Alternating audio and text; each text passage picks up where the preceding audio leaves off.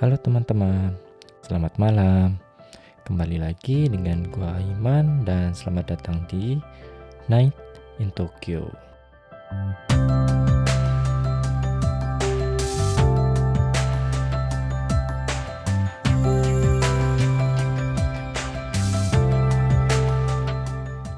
Halo teman-teman, kembali lagi dengan gua Iman di Night in Tokyo. Uh, gimana kabarnya teman-teman? Semoga kalian tetap sehat, semuanya lancar, kerjanya lancar, pendidikannya juga lancar, sekolahnya juga lancar, meskipun ya pasti masih pada online kan. Uh, pokoknya kita setiap dua minggu lagi, dua minggu setiap dua minggu akan balik lagi dengan gua uh, di Tok dari Tokyo kita bakal ngobrol ya hal-hal yang terkini, terkini berita atau informasi yang berkaitan dengan Jepang teman-teman. Terus uh, buat episode kali ini teman-teman ya kan seperti yang kalian udah dengar kalau episode kemarin yang membahas tentang The Naked Director dan hal-hal yang berhubungan dengan pornografi di Jepang. Mungkin uh, episode itu apa? Cukup berat. Cukup serius. Jadi untuk episode kali ini kita akan mm, ngobrol santai sih sebenarnya. Mungkin semoga aja episode kali ini juga nggak panjang-panjang banget. Jadi kita bakal ngobrolin tentang update terkini di Jepang itu kayak gimana dalam kondisi yang seperti sekarang ini apakah sama dengan kalian di Indonesia atau teman-teman yang di luar negeri juga di Amerika misalnya atau di Eropa gitu atau yang masih di Asia juga. Mungkin buat teman-teman yang sama kayak gua di Jepang juga tapi bukan di Tokyo. Mungkin keadaannya juga sedikit berbeda. Ya pokoknya di setiap dua minggu weekend kita akan kembali lagi dan ngobrol-ngobrol tentang uh, Jepang tentang informasi berita atau apa pun lah. Bahkan kondisi terkini di Jepang. Gitu teman-teman. Nah uh, untuk episode kali ini gue akan membahas ya balik lagi lah. Masalah tentang apa sih namanya? COVID-19 masalah tentang corona. Ya seperti yang kalian tahu lah kayak kondisi ini itu nggak ada habis-habisnya gitu teman-teman. Mungkin sebagian dari kalian entah yang di Indonesia atau yang di Jepang atau yang di negara belahan dunia yang lainnya, negara di belahan dunia yang lainnya itu udah mulai bosen misalkan apalagi yang kalian memang hobi traveling gitu. Hobi jalan-jalan ke luar negeri misalkan. Kalau uh, nggak traveling tuh susah gitu kan kan ada kan orang yang kayak gitu gitu loh. Kayak dia gatal gitu kalau nggak nggak traveling ke luar negeri. Bahkan yang gue pernah baca nih di beberapa berita kayak maskapai maskapai penerbangan ya apa pun lah bisa Garuda atau Singapore Airlines atau apa pun itu kayak dia uh, ada jasa kayak apa sih namanya ya buat kita yang suka traveling atau suka dengan apa sih namanya suasana di pesawat dan terbang di awan gitu. Itu tuh kayak ada kayak jasa bukan jasa ya kayak ya kalian bisa bayar pesawat gitu loh. Pesawat yang nantinya menerbangkan kalian ke tujuan dan balik lagi di hari yang sama. Jadi sekedar untuk melepas rindu kalian gitu. Uh, apa sih namanya? Rindu merasakan suasana pesawat atau rindu merasakan suasana terbang. Nah, karena uh, karena kita ngobrol ngobrolin dengan traveling nih, gua sebenarnya episode kali ini ada sedikit hubungannya tentang travel atau wisata di Jepang teman-teman. Uh, seperti kalian seperti yang kalian tahu kayak ya mungkin gak Jepang doang kali ya. Jepang itu kan sekarang masih dalam kondisi uh, apa sih menutup menutup semua pintunya buat wisatawan asing. Uh, tapi ada satu pertanyaan gitu.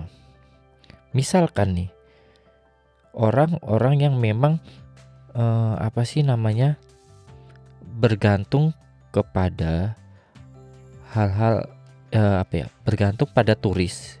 Jadi mereka hidup dari pendapatan seberapa banyak turis datang ke tempatnya dia atau wilayahnya dia. Mungkin kebetulan emang wilayahnya dia itu adalah wilayah wisata gitu loh. Dengan kondisi kayak gini, terus di Jepang itu juga masih menutup uh, wisatawan luar negeri masuk ke Jepang. Lantas mereka bagaimana gitu? Mungkin uh, yang di Indonesia bagi kalian yang mengalami hal yang sama berada dalam posisi yang sama juga pasti akan bertanya-tanya terus terus gimana kita gitu.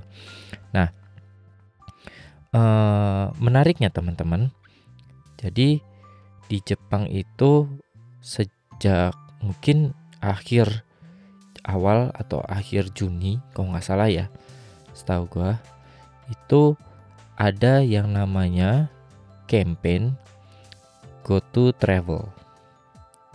Jadi campaign apakah itu? Jadi gini teman-teman, di Jepang itu uh, memang sekarang dekade ini Jepang itu sudah sangat-sangat bergantung pada pendapatan dari wisata teman-teman. Mulai wisatawan domestik ataupun wisatawan luar negeri sama aja gitu loh. Jadi nggak seperti yang dulu Jepang yang apa sih namanya hmm, bergantung terhadap industri kayak elektronik dan segala macam. Nah, dekade ini Jepang itu memang sedang gencar-gencarnya uh, untuk meningkatkan wisatanya mereka gitu dalam negeri uh, terhadap wisatawan domestik atau wisatawan luar negeri juga gitu. Nah, sayangnya teman-teman awal tahun ini tiba-tiba ada pandemik gitu loh. Tiba-tiba ada covid-19 gitu. Jadi semuanya ya seperti yang kalian tahu gitu loh. Di Jepang pertama impactnya ya impactnya buat di Jepang. Di Jepang pertama yang harusnya tadinya ada Olimpiade yang uh, musim panas ini yang tadinya harus adanya Olimpiade akhirnya diputuskan untuk dipospon. Jadi ditunda yang kemungkinan akan digelar tahun depan meskipun kayaknya sih namanya tetap bakal Tokyo 2020 gitu loh. meskipun di digelarnya di 20 2021 gitu loh. Mungkin beberapa apa ya? Beberapa gedung, beberapa beberapa event, beberapa ya produsen-produsen yang udah sangat berharap nih misalkan uh, bakal inbound atau bakal ada banyak wisatawan dari luar negeri datang. Udah mulai promosi itu dari awal dari tahun kemarin mungkin ya. Kayak bikin merchandise bikin apa pun lah yang berhubungan dengan apa sih namanya Olimpiade Tokyo 2020 itu semuanya harus hancur teman-teman. Kebayangkan sih sebenarnya kayak mereka udah uh, ngeluarin segala uangnya segala investasinya padahal tahun ini ya batal nggak ada apa-apa gitu loh. Bahkan ya apalagi orang yang memang bergantung pada ini ya teman-teman apa sih namanya uh, pada event. Jadi orang yang memang kayak event organizer atau perusahaan-perusahaan yang bergantung terhadap event-event kayak gitu, itu tuh pasti kena banget impactnya karena satu mereka nggak ada event. Ketika nggak ada event, mereka nggak ada kerjaan, nol kan teman-teman. Terus sedangkan mereka juga harus biayai pegawainya dan lain-lain gitu loh. Dan itu nggak bisa berhenti kan. Nah kayak gitu. ya Jepang pun sama kayak gitu. Banyak perusahaan-perusahaan yang memang akhirnya bertahan buat sekedar hidup doang tuh banyak.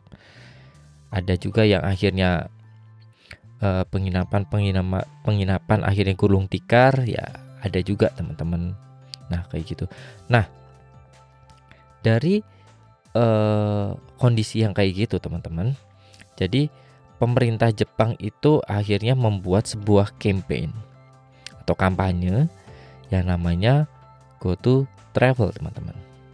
Jadi Go to Travel ini bukan buat kalian wisatawan luar negeri, enggak. Jadi Go to Travel ini di bukan dikhususkan sih memang karena enggak ada wisatawan luar pasti ya ujung-ujungnya kita akan bergantung pada wisatawan domestik gitu loh.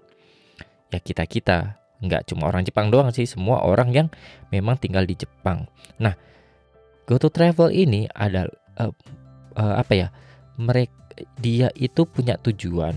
Jadi pemerintah itu bertujuan untuk mengencourage orang-orang atau untuk ngajak nih kita-kita dari mana pun lah dari seluruh Jepang mana pun untuk ber, ber apa ya namanya berwisata jadi keluar dari rumah dan melakukan wisata gitu loh. Bisa ya bisa ke mana aja. Nah, nah dari situ kenapa uh, pemerintah itu uh, menganjurkan atau mengadakan itu? Karena teman-teman kita memang ya itu dilema sih teman-teman. Kayak kalaupun kita diam di rumah terus ya orang-orang yang bergantung pada pendapatan wisata kayak gitu gimana gitu loh. Nah, pemerintah Jepang itu mengadakan dengan adanya kampanye ini orang-orang yang memang tadinya lesu nih beberapa bulan ini akan kembali uh, mulai ada pemasukan lagi dengan adanya GoTo Travel karena uh, itu kayak kampanyenya beneran beneran menggiurkan banget sih teman-teman. Nanti gue jelasin deh. Nah dari situ uh, dengan adanya orang bergerak ya kan, maksudnya orang nggak di rumah doang. Dengan adanya orang bergerak, otomatis duitnya juga bergerak kan. Ketika kita mengeluarkan uang itu menjadi uh, sumber pendapatan bagi orang lain teman-teman. Nah dari sumber pendapatan orang lain itu akan menjadi sumber pendapatan bagi orang lain juga karena dia harus berproduksi. Ya kayak gitulah. Kayak circle ekonomi lah kayak gitu. Nah e, pemerintah Jepang itu kenapa dia mengeluarkan biaya go to travel ini? Supaya uh, dia ingin menggerakkan lagi ekonomi yang tadinya vakum gitu loh di Jepang. Nah jadi gini uh, singkatnya aja ya, singkatnya aja Go to Travel ini adalah sebuah kampanye yang dibiayai oleh pemerintah Jepang. Jadi kampanye ini itu biasanya bekerja sama dengan uh, beberapa apa sih namanya uh, tour tour apa tur-tur gitu. Maksudnya perusahaan tur di Jepang. Masih perusahaan-perusahaan yang biasanya buat tur gitu loh di Jepang. Jadi eh, dari seluruh biaya misalkan kayak gini. Dari biaya yang tadinya 40.000 misalkan nih misalkan nih. Biaya semua tur itu adalah 40.000 per orang.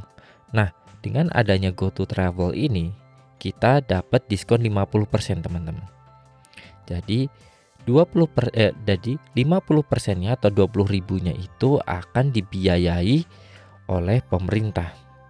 Tapi ada tapinya nih teman-teman. Nah dari 50 persen biaya eh, apa sih namanya?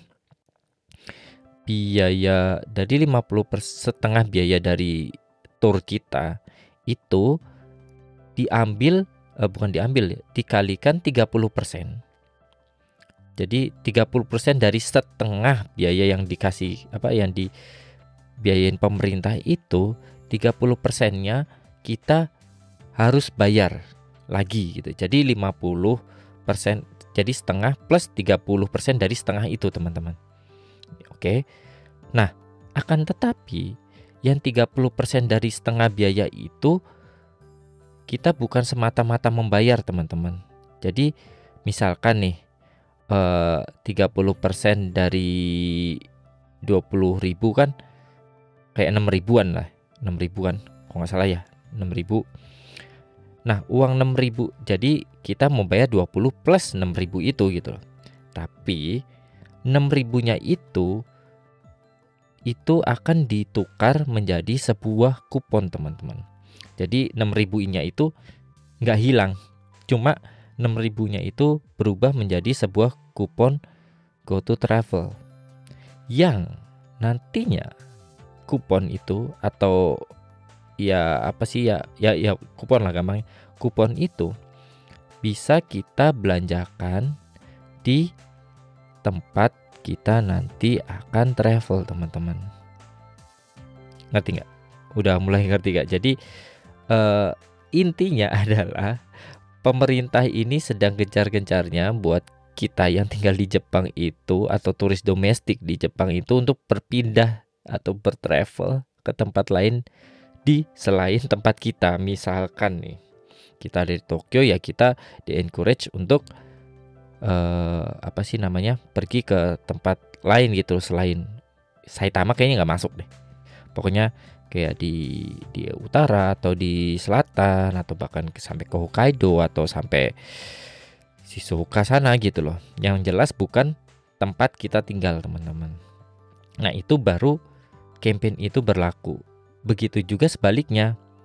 Kalau orang yang bukan tinggal di Tokyo atau uh, kota pendukungnya kayak Saitama dan Chiba itu bisa datang atau travel ke Tokyo itu mendapatkan uh, campaign atau keuntungan yang sama kayak orang Tokyo berpindah ke tempat lain gitu loh, mana travel ke tempat lain gitu. Nah, nantinya yang kupon-kupon itu ya kita kan bisa belanjakan gitu. Intinya adalah intinya memang pemerintah itu sedang pengen kita supaya keluar dari rumah, bergerak, terus travel dan menghabiskan uang kita buat belanja di tempat wisata wisata itu, teman-teman. Karena ya karena kalian seperti yang kalian tahu gitu loh kalau mereka kalau nggak ada campaign kayak gitu kalian bakal yakin orang bakal keluar gitu wisata kan enggak gitu loh boro-boro mereka aja buat keluar rumah aja kadang cuma ke supermarket doang habis itu selesai gitu loh nah dengan adanya campaign ini teman-teman diharapkan memang orang-orang yang tadinya memang nggak pernah keluar rumah ataupun travel gitu mereka akhirnya mau lagi gitu loh. Mengeluarkan uangnya dia untuk pergi travel terus belanja di di sana maksudnya di tempat kita wisata. Akhirnya ya itu dengan tujuan uh, ekonominya bakal muter lagi gitu loh. Karena dengan kondisi kayak saat ini gitu. Terus kayak udah berapa bulan mereka kan pasti ada mereka pasti nggak ada pemasukan. Terus kayak vakum gitu. Makanya pemerintah Jepang itu uh, mengadakan ya ini gitu loh go to travel campaign ini gitu loh. Nah sejak memang ya jujur sejak dari akhirnya Jepang itu di lockdown terus apa sih namanya turis luar negeri nggak boleh datang ke Jepang itu gua itu udah melakukan dua kali travel maksudnya keluar keluar Tokyo ya.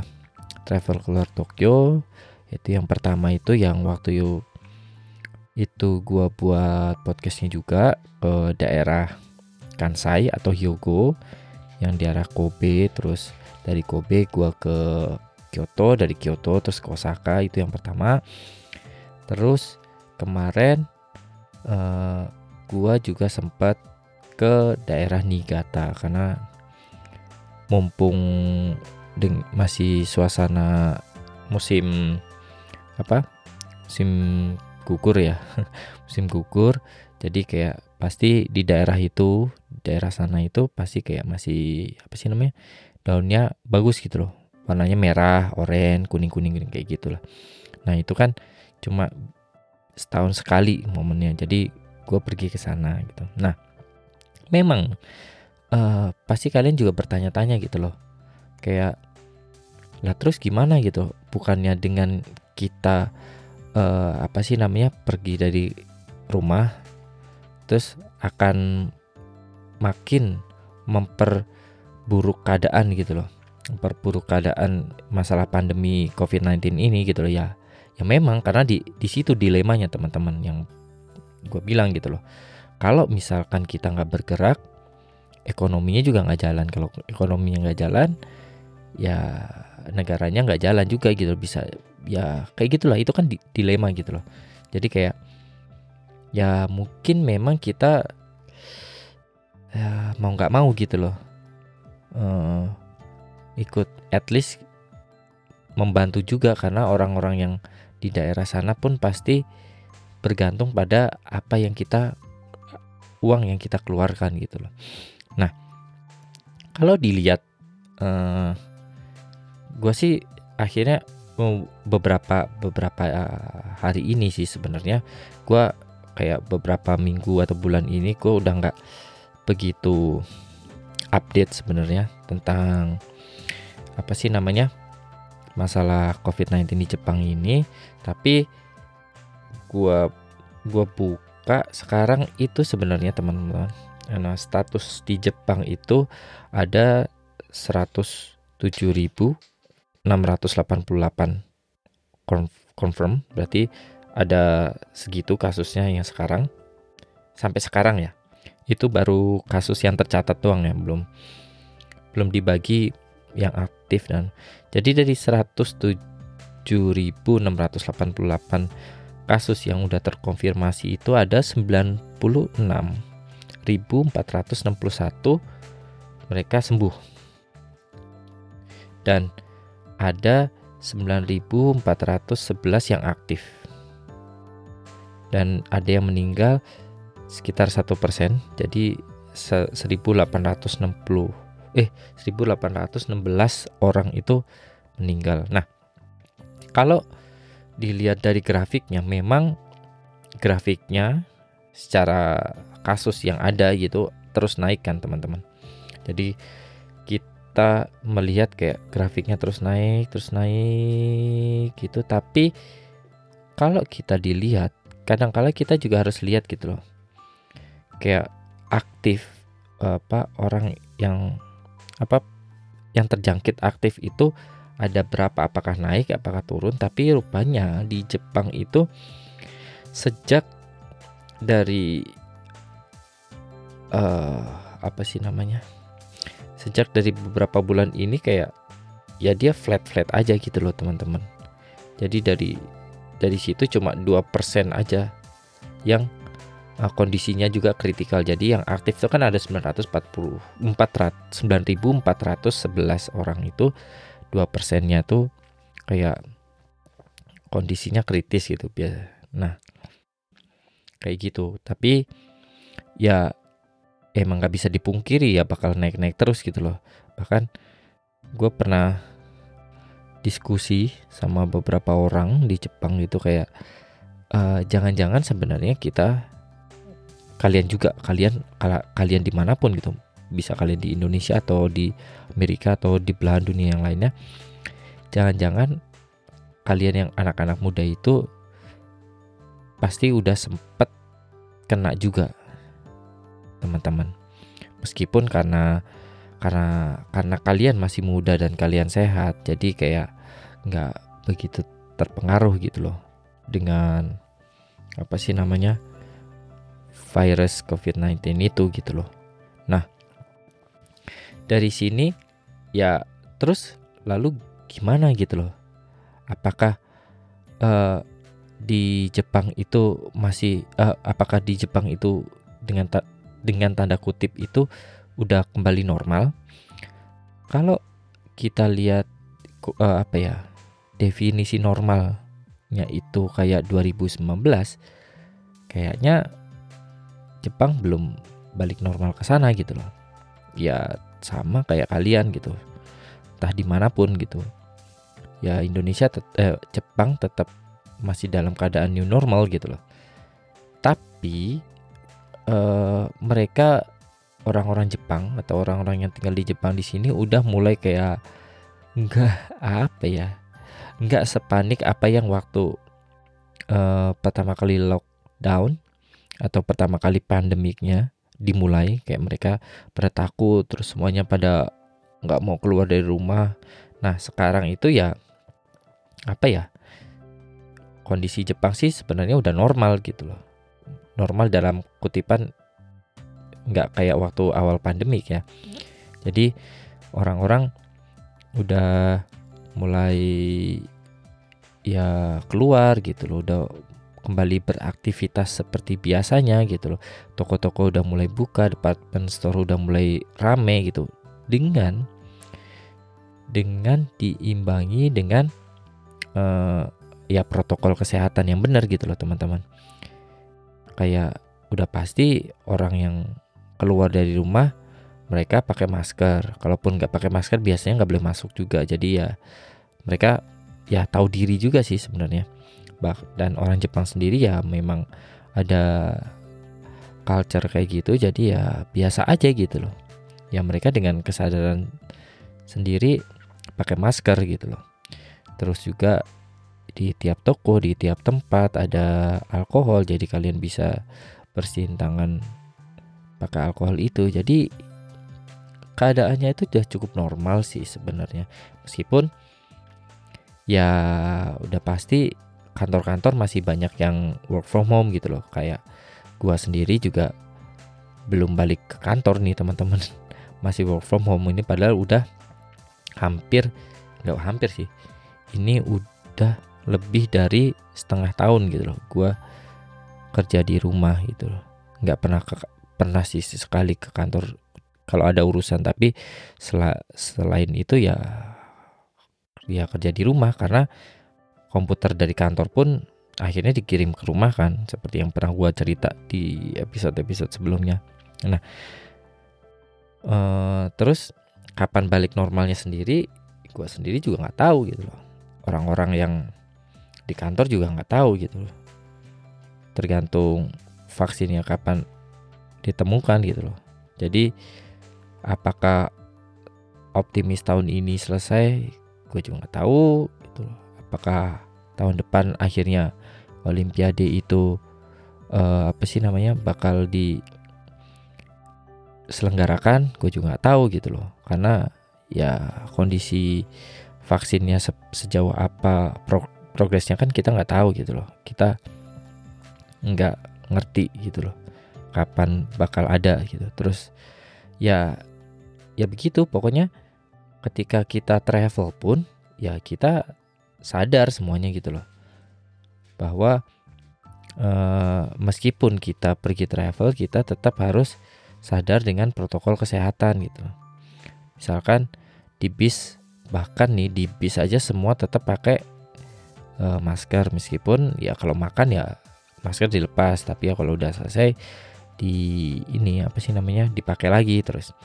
Terus tiap kita keluar dari bis masuk ke dalam masuk ke dalam bis harus pakai alkohol tangannya cuci tangan pakai alkohol terus di sekat di tiap tiap apa sih namanya? Tiap tiap kursi itu kayak ada sekatnya kayak plastik itu ya nggak tahu apakah itu efektif atau enggak ya yang jelas mereka orang Jepang itu berusaha meminimalisir mungkin kemungkinan untuk tersebarnya virus itu gitu loh.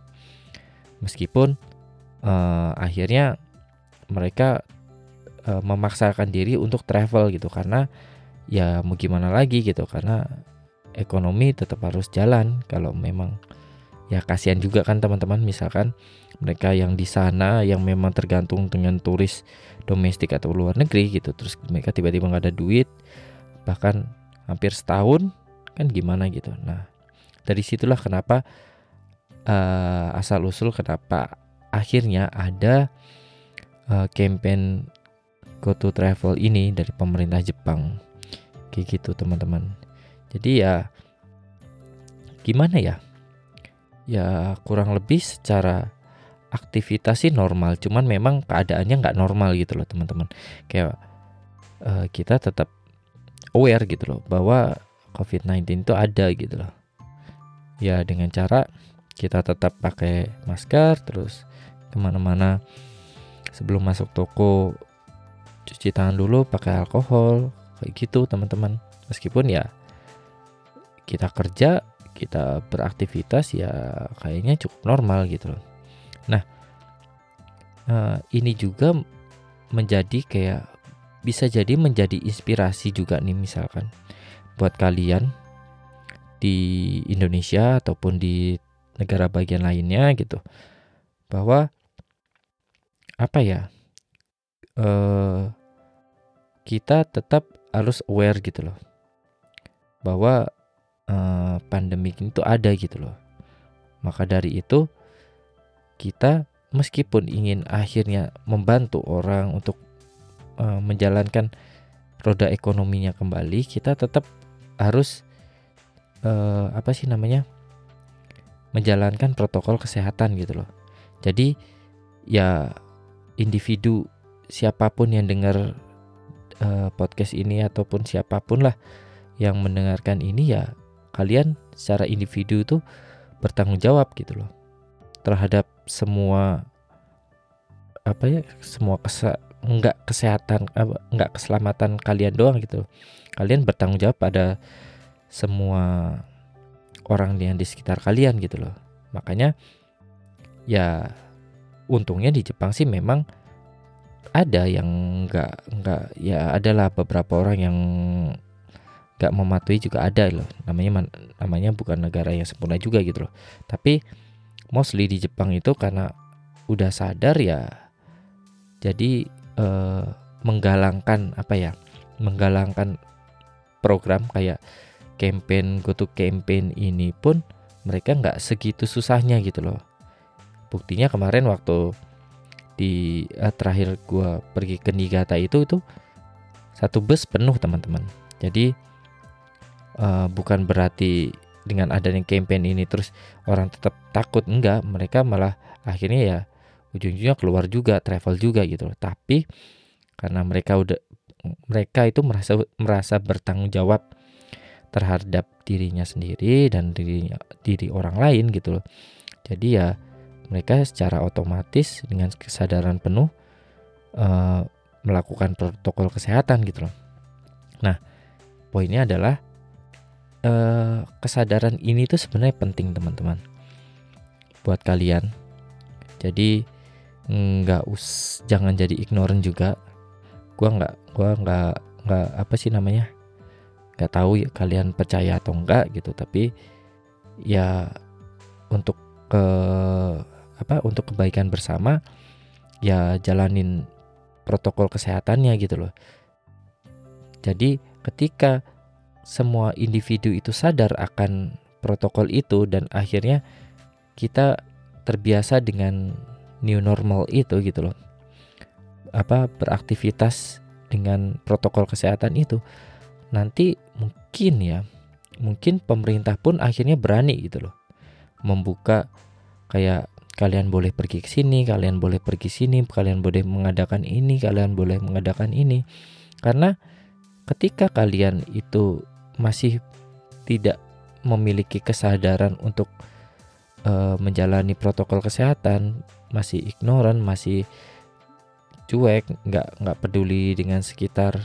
Ya kalian yang masih muda-muda sih, gue yakin kalian bakal recover gitu loh kalau kena gitu. Tapi kan ada yang yang memang lagi sakit-sakitan juga yang kemungkinan akan terancam jiwanya. Nah, ketika kita akhirnya tiap individu itu udah secara uh, apa ya, secara dasar uh, memang menjalani dan secara sadar dengan kesadarannya, kesadaran sendiri itu uh, kita menjalani kesehatan, ya protokol kesehatan yang nantinya pasti pemerintah akan berani gitu loh untuk hmm, apa sih namanya uh, melakukan sebuah kebijakan untuk membangun ekonominya kembali gitu loh. Jadi orang-orang yang memang tadinya uh, bergantung pada pendapatan harian yang bergant uh, yang tergantung dari seberapa banyak orang bergerak di kota kita, daerah kita, negara kita, negara uh, yaitu ya mereka bakal terselamatkan.